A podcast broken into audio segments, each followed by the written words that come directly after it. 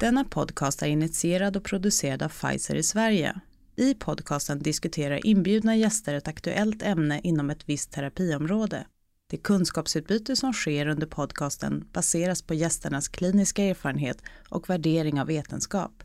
Pfizer lämnar inte några rekommendationer eller råd i podcasten och tar inte heller ställning till de råd eller rekommendationer som diskuteras av de inbjudna gästerna.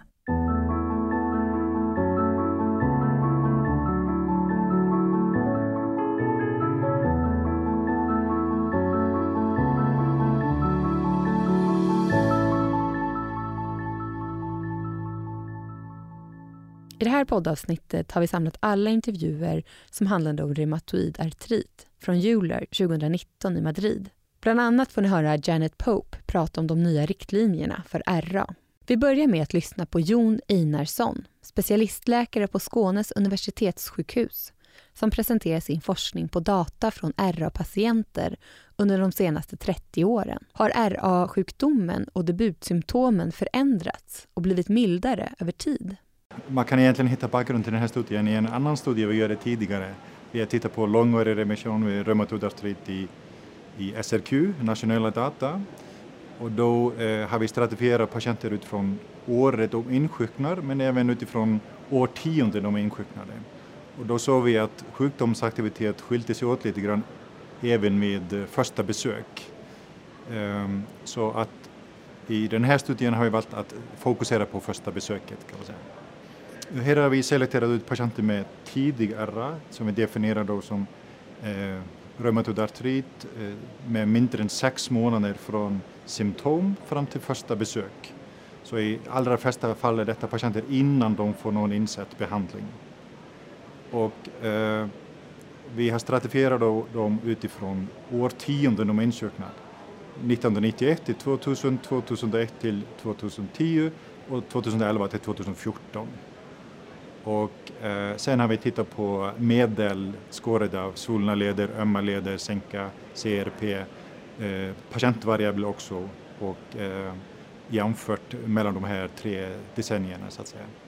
Delvis var det väntade resultat. Vi såg att svullna leder och ömma leder eh, går ner i antal mellan 90-talet och eh, 2010-talet. Samma med sänka och CRP, ganska signifikant kan man säga. Eh, det som var oväntat var att eh, smärta går uppåt. Även eh, det som vi kallar för evaluated global, det var läkarbedömningen. Och eh, patientens egen uppskattade hälsa är sämre nu 2011 till 2014 jämfört med 90-talet. Det var lite oväntat. Det är svårt att spekulera i vad, vad det beror på men eh, man kan ändå tro att, att vi ställer högre krav på sjukvården idag och att eh, vi har lite andra eh, valideringar idag jämfört med 90-talet.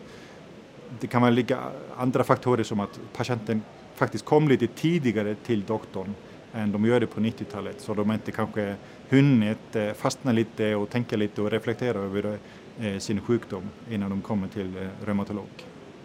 Ja, man kan säga att åtminstone utifrån de här data att, att eh, Sjukdomsbilden vid första besök är mildare nu på 2010-talet jämfört med 90-talet.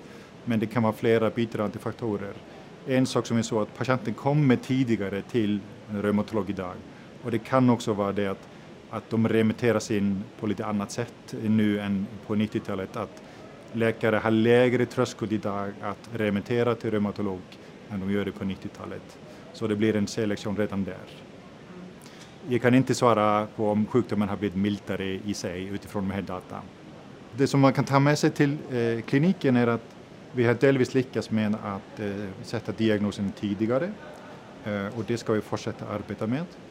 Men inte minst tyckte jag det var intressant att eh, se hur förväntningarna ändras över tid och jag tycker verkligen att vi ska arbeta med det. Att patienter upplever mer smärta idag än de gör det på 90-talet och upplever sig sjukare än de gör det på 90-talet. Och det här kan påverka sjukdomsaktiviteten direkt. Så att jag tycker att det är viktigt att vi försöker hjälpa dem att komma rätt med sina förväntningar eh, redan med första besöket. Det presenteras även annan spännande forskning inom detta område.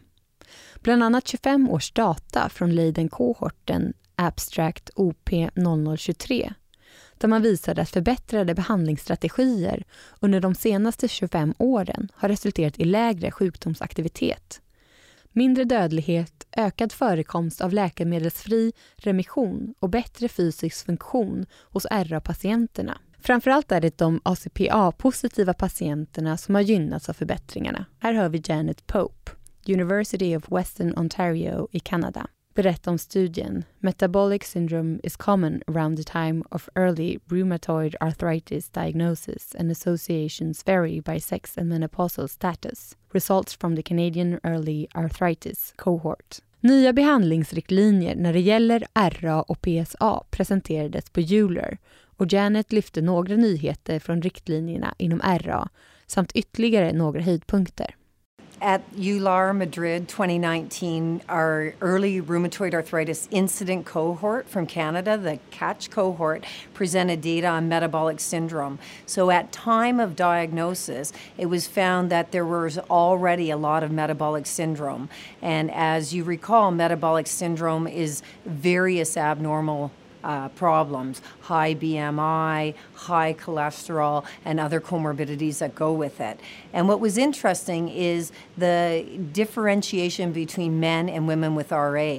Of course, there's more women getting RA, but the metabolic syndrome prevalence and risk factors within it were a little bit different between the two groups. I think the future will tell us how this evolves over time, particularly with effective treatment in RA.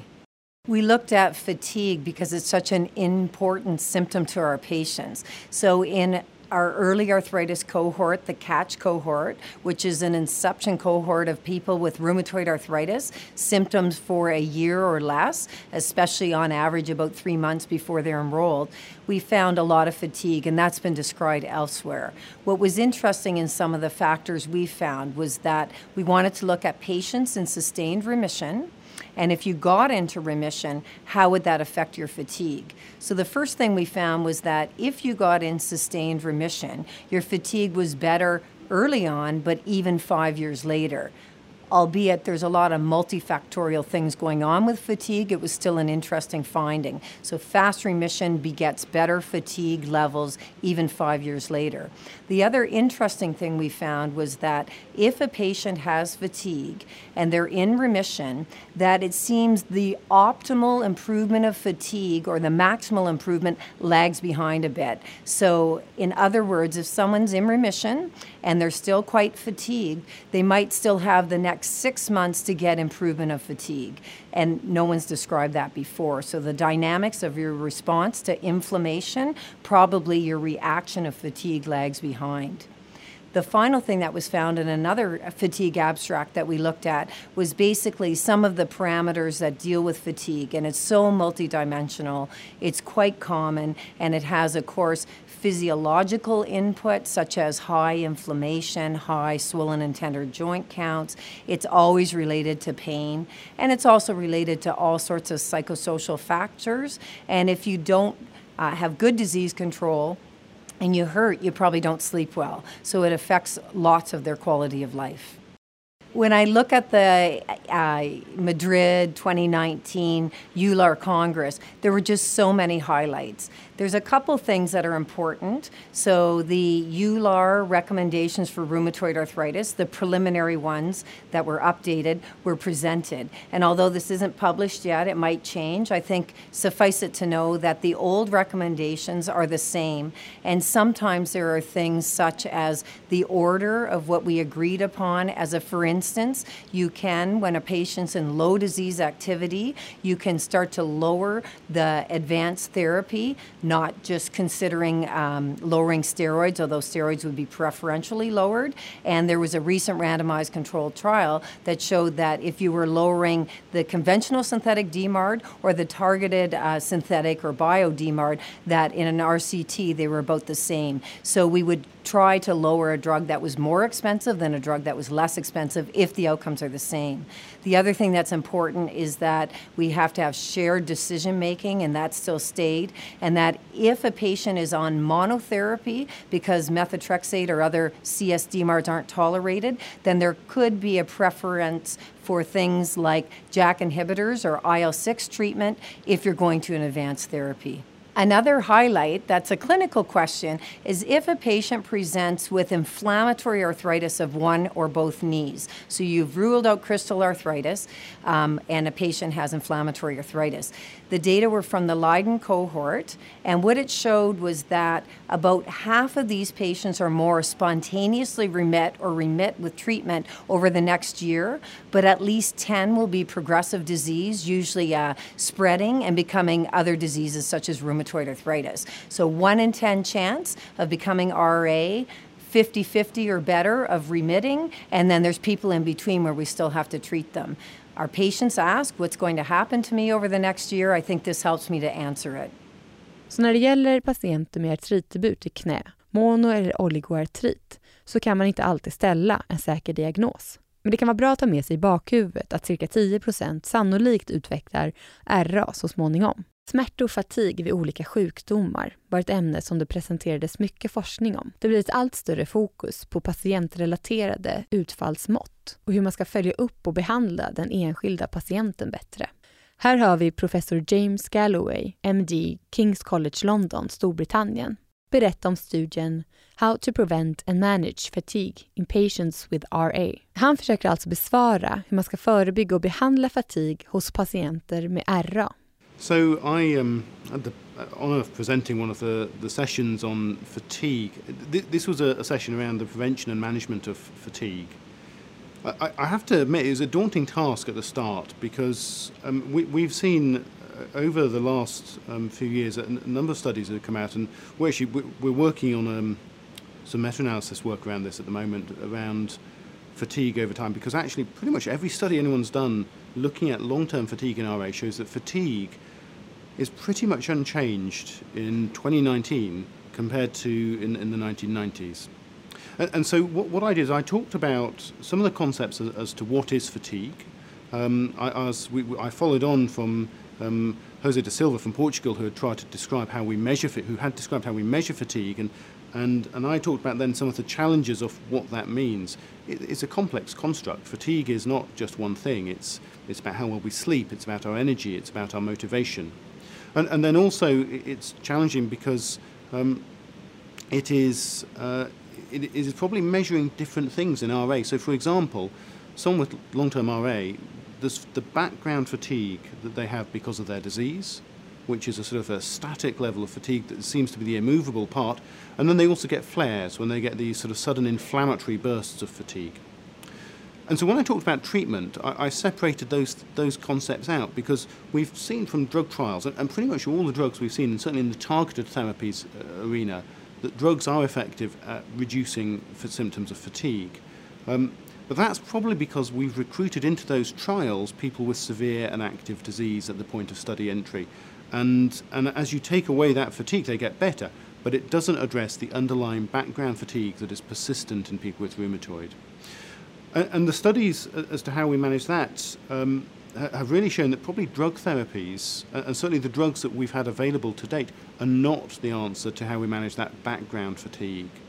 And strategies that we need to look at, um, are, for example, talking therapies, such as cognitive behavioral therapy, I talked about that, but also um, ACT, one of the other talking therapies, more modern strategies, and, and exercise. And those two uh, sort of those should be the core of how we manage fatigue in, in people with rheumatoid arthritis, I think. And, and, there's good evidence underpinning that, which I presented during the talk. And, and, I also shared some of the evidence from some other specialties, for example, cancer fatigue, where they've just recently published a systematic review and meta analysis showing in, in cancer fatigue, they've again had the same challenge where pharmacotherapy for fatigue has really not been the, the headline, but that strategies of either CBT or, or exercise or combinations of CBT and exercise were, were most important. And so um, I, I, presented that information, and, and I think my, my take home message that I, I finished at the end with was that we really need to be better at measuring fatigue in clinic. We need to recognize it, and we need to try and separate out the fatigue that is due to the inflammatory burden of disease, in which case we absolutely must immunosuppress, versus the background chronic fatigue that is driven by, by perhaps the, the underlying rheumatoid and, and maybe have a, has a, a different mechanism. So I, I presented. Um, I presented on Wednesday afternoon our work we've been doing around um, looking at comorbidities and, and, and, specifically psychological comorbidity. So we, have done, and, and, the interesting thing about the study was actually the methodology we used. We, have done a, a, sort of, if you like, a machine learning approach using what's called network analyses. We essentially took data from patients with rheumatoid, from a, a cohort my own practice of patients, um, over 200 people, where we had a, a really detailed data set on mental health symptomatology, physical health symptomatology like fatigue, pain, tender joint counts, patient global scores, and, and then inflammation measures, CRP, ESR, and, and swollen joint counts. And we put these variables into a, a statistical model which um, builds networks to try and say how are each of these variables interrelated. The reason we did this, and I, I should be upfront at the sort of and honest at the start, is that our, our goal was to see that the model would work, and and it does. It, it looks like we can produce understandable models of networks of these symptoms. What was striking though, and I think what it showed was there appears to be a very distinct network around the inflammation symptoms, the swollen joints, the CRP, the ESR, which is quite distinct from the physical and mental symptoms of mood, anxiety, pain, fatigue, which seem to cluster as a separate network. And actually, it may help us in our mechanistic understanding as to why some of our strategies of treating fatigue and pain haven't been successful when we've just targeted on immunosuppression.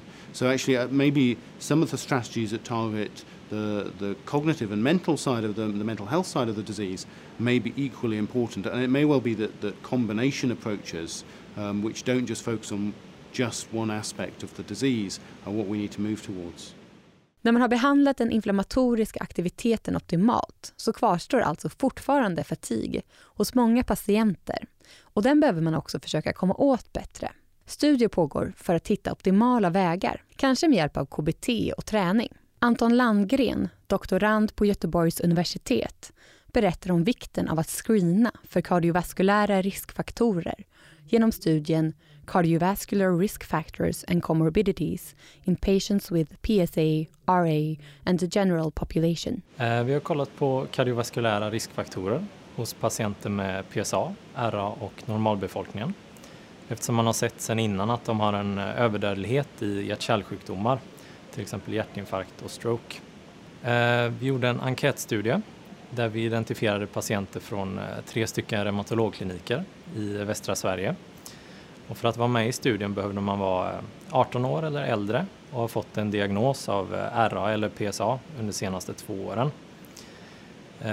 Så vi identifierade patienter från de klinikerna och sen valde vi slumpmässigt ut ungefär 1200 Eh, PSA-patienter och 1246 RA-patienter som hade liknande distribution av eh, män och kvinnor.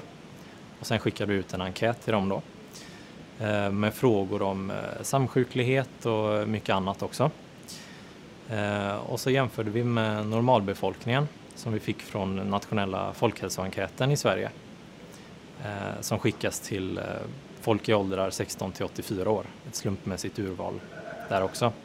Sen matchade vi eh, eh, fem kontroller till eh, ett fall med RA och fem kontroller till ett fall med PSA matchat på ålder och kön. Då. Det var ungefär 60 procent som svarade på enkäten och av dessa då så var 40 procent män ungefär efter vi hade matchat för ålder och kön. Så då hade vi ungefär 430 PSA och 430 RA ungefär och 4300 kontroller eh, som vi undersökte sen då. Och så kollade vi olika faktorer hur de skiljer sig åt och så såg vi att eh, det var ingen skillnad i eh, stroke eller hjärtinfarkt mellan RA och PSA. Och för normalbefolkningen där så hade vi ingen, eh, eh ingen data för just de variablerna. Eh, så kollade vi på eh, hypertoni, alltså högt blodtryck, eh, och där hade PSA mest högt blodtryck.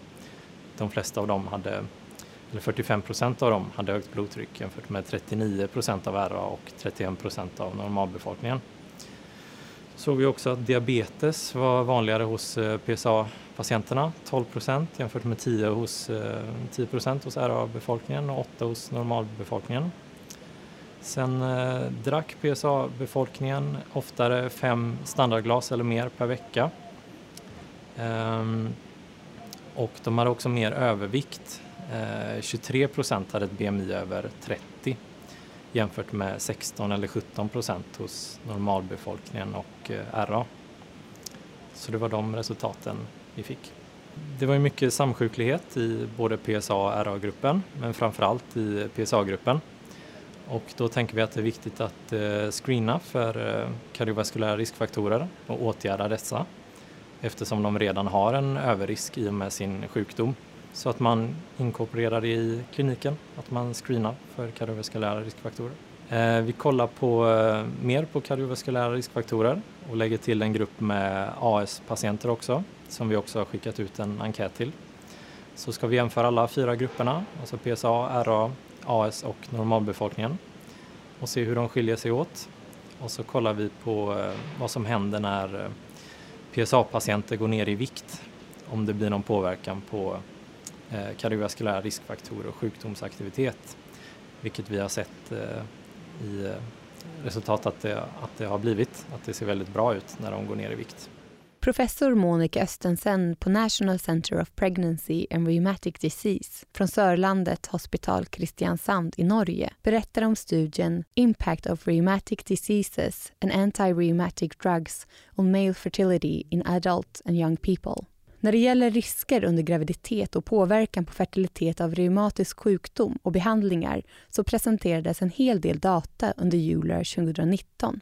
Under en session om reproduktionsproblematik inom reumatologi fick vi bland annat höra Monica Östensen från Sörlandets sjukhus i Norge presentera data avseende hur reumatologiska sjukdomar och antiinflammatoriska behandlingar kan påverka fertilitet hos män.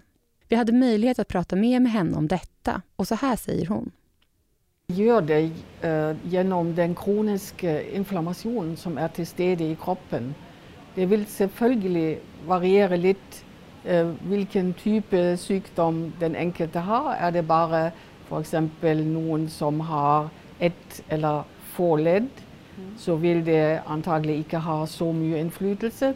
Men hvis du tenker på en sykdom som systemisk lupus, hvor eh, det er en systemisk inflammasjon i kroppen, hvor indre organer är eh, afficerat av sjukdomen eh, så vill denna kroniska inflammation ha en betydlig effekt på manlig fertilitet.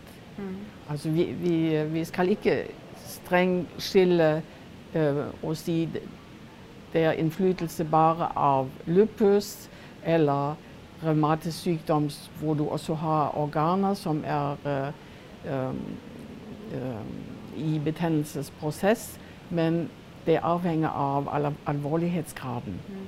Så det är mer aktivitet än egentligen vilken sjukdom man och så, har? Så kan man ju fråga sig varför har det en betydning för manlig fertilitet? Mm. Och det kan ha det på två måter. Mm. En är att uh, under en inflammationsprocess så uh, lagas det väldigt många cytokiner som eh, någon av dem kallar vi för proinflammatoriska. Alltså de håller inflammationen i kroppen vid like eller i leden eller i ett organ. Men eh, någon av dem har faktiskt en viktig roll för mannens eh, spermatogenes. Mm. Och bara för att nämna ett exempel, TNF-alfa har en regulerande roll vid spermatogenesen, alltså den normala spermatogenesen. Mm. Uh, interleukin uh, 1 har också en slik roll och interleukin 6. Och um, hvis vi får en systemisk inflammation så kan koncentrationen av dessa cytokiner höjas mm. uh, och faktiskt då föra till negativa effekter på spermatogenesen. Slik at uh, f.eks. Uh, det, det, blir en, et redusert antall av uh, uh, sædceller, eller at uh, de har en ikke normal morfologi, mm. eller ikke normal motilitet. Mm. Og da blir det også mer logisk å tenke seg hvis, hvis man da behandler denne systemiske inflammasjonen hos den enkelte pasient, mm. så kan disse förändringar går tillbaka igen. När det gäller de olika antiinflammatoriska behandlingarna så har man inte sett någon påverkan på spermatogenesen av azathioprin, cyklosporin eller mykofenolat mofetil. Risk för permanent infertilitet är störst med cytotoxiska läkemedel, framför allt cyklofosfamid. Effekt av MTX på manlig fertilitet är relaterat till dos, men det finns inga indikationer på att lågdos, 5-25 mg, påverkar spermiekvaliteten. När det gäller TNF-hämmare har man inte sett att de påverkar spermiekvaliteten, varken med kort eller långtidsbehandling. Nu fortsätter Monica att prata om vikten av att diskutera fertilitet, även med män. Jag, jag tänker vi eh, som kliniker skulle mycket oftare snacka med män om eh, deras eh, bekymringar eventuellt i förhållande till fertilitet eller framtida barn. Mm. För vi har ju också, vi har inte nämnt det, men vi har ju också selvfølgelig studier nu eh, som ser på barn födda av fäder som har blivit behandlade med medikamenter, för mm. exempel biologika och, och också äldre medikamenter. Mm. För att se om dessa barn är friska. Ja. Ikke sant? Och, uh, heldigvis uh, har det ju visat sig, för exempel för TNF-hämmare, att det är ingen fara för barn födda av fäder som har blivit behandlade. Det är en väldigt viktig um, meddelelse för patienten. Mm. Så jag tänker vi, vi, vi må egentligen bli lite flinkare för våra patienter idag de går på internet mm. och så finner de kanske inte akkurat så mycket om manlig fertilitet eller om, om barn. Nej, det står väldigt lite om Ja, men det de finner, det de finner, det det paret finner som tänker på att ha familj, det är självklart att det är medikamenter som är farliga för gravida kvinnor att ta ja. de. Och så äh, tänker patienten, ja men när jag som far tar dessa medikamenten, mm. kanske det är också farligt. Ja. Och så kommer spörsmålen uh, och uh, där bör vi vara i stand till att svara våra manliga patienter uh, om har om de, må frukta, om de må frukta att, att det har en negativ effekt, enten på själva spermatogenesen eller om det kunde ha en negativ effekt på deras framtida barn. Nu får vi lyssna till Anna Svärd, överläkare och biträdande verksamhetschef på reumatologikliniken Falu lasarett. Hon berättar om studien Secretory Antibodies to Citrulinated Peptides in Plasma and Saliva from Rheumatoid Arthritis Patients and their unaffected family members. Vi kommer högst sannolikt få se mer forskning avseende detta framöver. Intressant forskning om citrulinerade peptider hos RA-patienter och deras släktingar. Vi vill ju ta reda på mer om vad som händer i kroppen åren innan man utvecklar RA. Eh, vi vet ju att eh, man kan hitta ACPA i blodet hos personer som utvecklar RA ganska många år innan de får sina ledbesvär, eller sina artriter. Och man vet också till exempel att rökning är en stark riskfaktor för att få RA. Och de här sakerna har gjort att man har intresserat sig för slemhinnorna alltså som en möjlig tidig lokal där det kan hända saker innan man får artriter. Och eh, de antikroppar som man analyserar när man tittar på, på slemhinnor, slemhinneantikroppar, det är så kallade sekretoriska antikroppar. När de här antikropparna har tillverkats under slemhinneepitelet och transporteras de genom epitelcellerna ut i lumen, till exempel till sportkörtlar eller till tarmen, vart de nu ska. Och då blir de kopplade till en proteinkedja som kallas för sekretorisk komponent. Och den här proteinkedjan gör att de här antikropparna de blir mer motståndskraftiga mot enzymer så de överlever i den miljön. Eh, och nu har man visat att de här antikropparna, de sekretoriska antikropparna, även i vissa fall kan detekteras i cirkulationen, alltså i blodprov. Och i och med att det är lite, lite bökigt att hålla på med, med, ehm, med saliv och andra slemhinnesekret eh, det är bökigt både för patienterna att lämna de här proverna. Om man tänker från lungorna så kan det vara bal, från tarmen, Eh, så är det bökigt både för patienter och för, för oss som ska hantera proverna.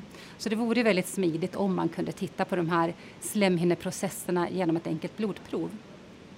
Så därför har vi analyserat eh, eh sekretoriskt ACPA eh, i serumprover från RA-patienter och sett att det faktiskt finns hos en andel, ungefär 18 procent.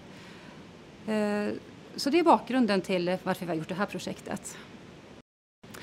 Nu har vi analyserat eh, eh sekretoriskt ACPA dels hos en grupp RA-patienter, knappt 200 stycken, men framförallt också hos eh, första gradsläktingar till patienter med RA.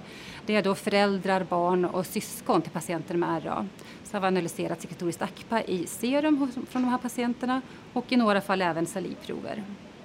Eh, vi blev lite förvånade Eh, vår hypotes var att vi skulle hitta mm, ganska mycket sekretoriska antikroppar hos de här släktingarna eftersom tanken var att eh, det händer saker först på slemhinnorna och att det sen sprider sig ut i kroppen, att man hittar det i blodet. Men tvärtom så var det så att det var väldigt få av släktingarna som hade sekretoriskt ACPA. Bland RA-patienterna så var det 19 procent och bland släktingarna var det bara 1 procent. Eh, ja, vi såg ju att det var väldigt ovanligt med sekretorisk ACPA hos eh, släktingar. Och varför det är så, det vet vi ju inte riktigt. Det kan ju vara så att det finns sekretoriskt ACPA på slemhinnorna hos de här patienterna, till exempel i lungor, i tarmslemhinna, men att det inte liksom slinker ut i cirkulationen så man fångar det där. Men det vet vi inte.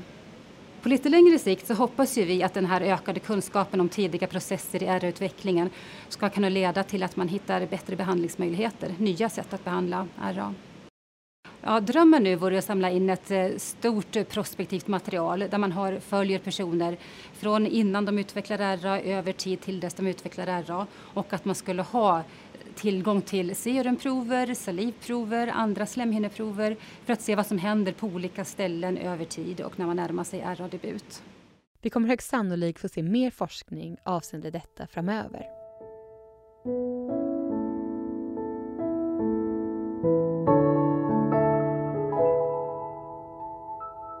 Tack för att ni har lyssnat. Missa inte att gå in på pfizerplay.se. Där samlar vi alla intervjuer och webbinarier från utbildningar och kongresser. Och där kan ni också registrera er till vårt nyhetsbrev.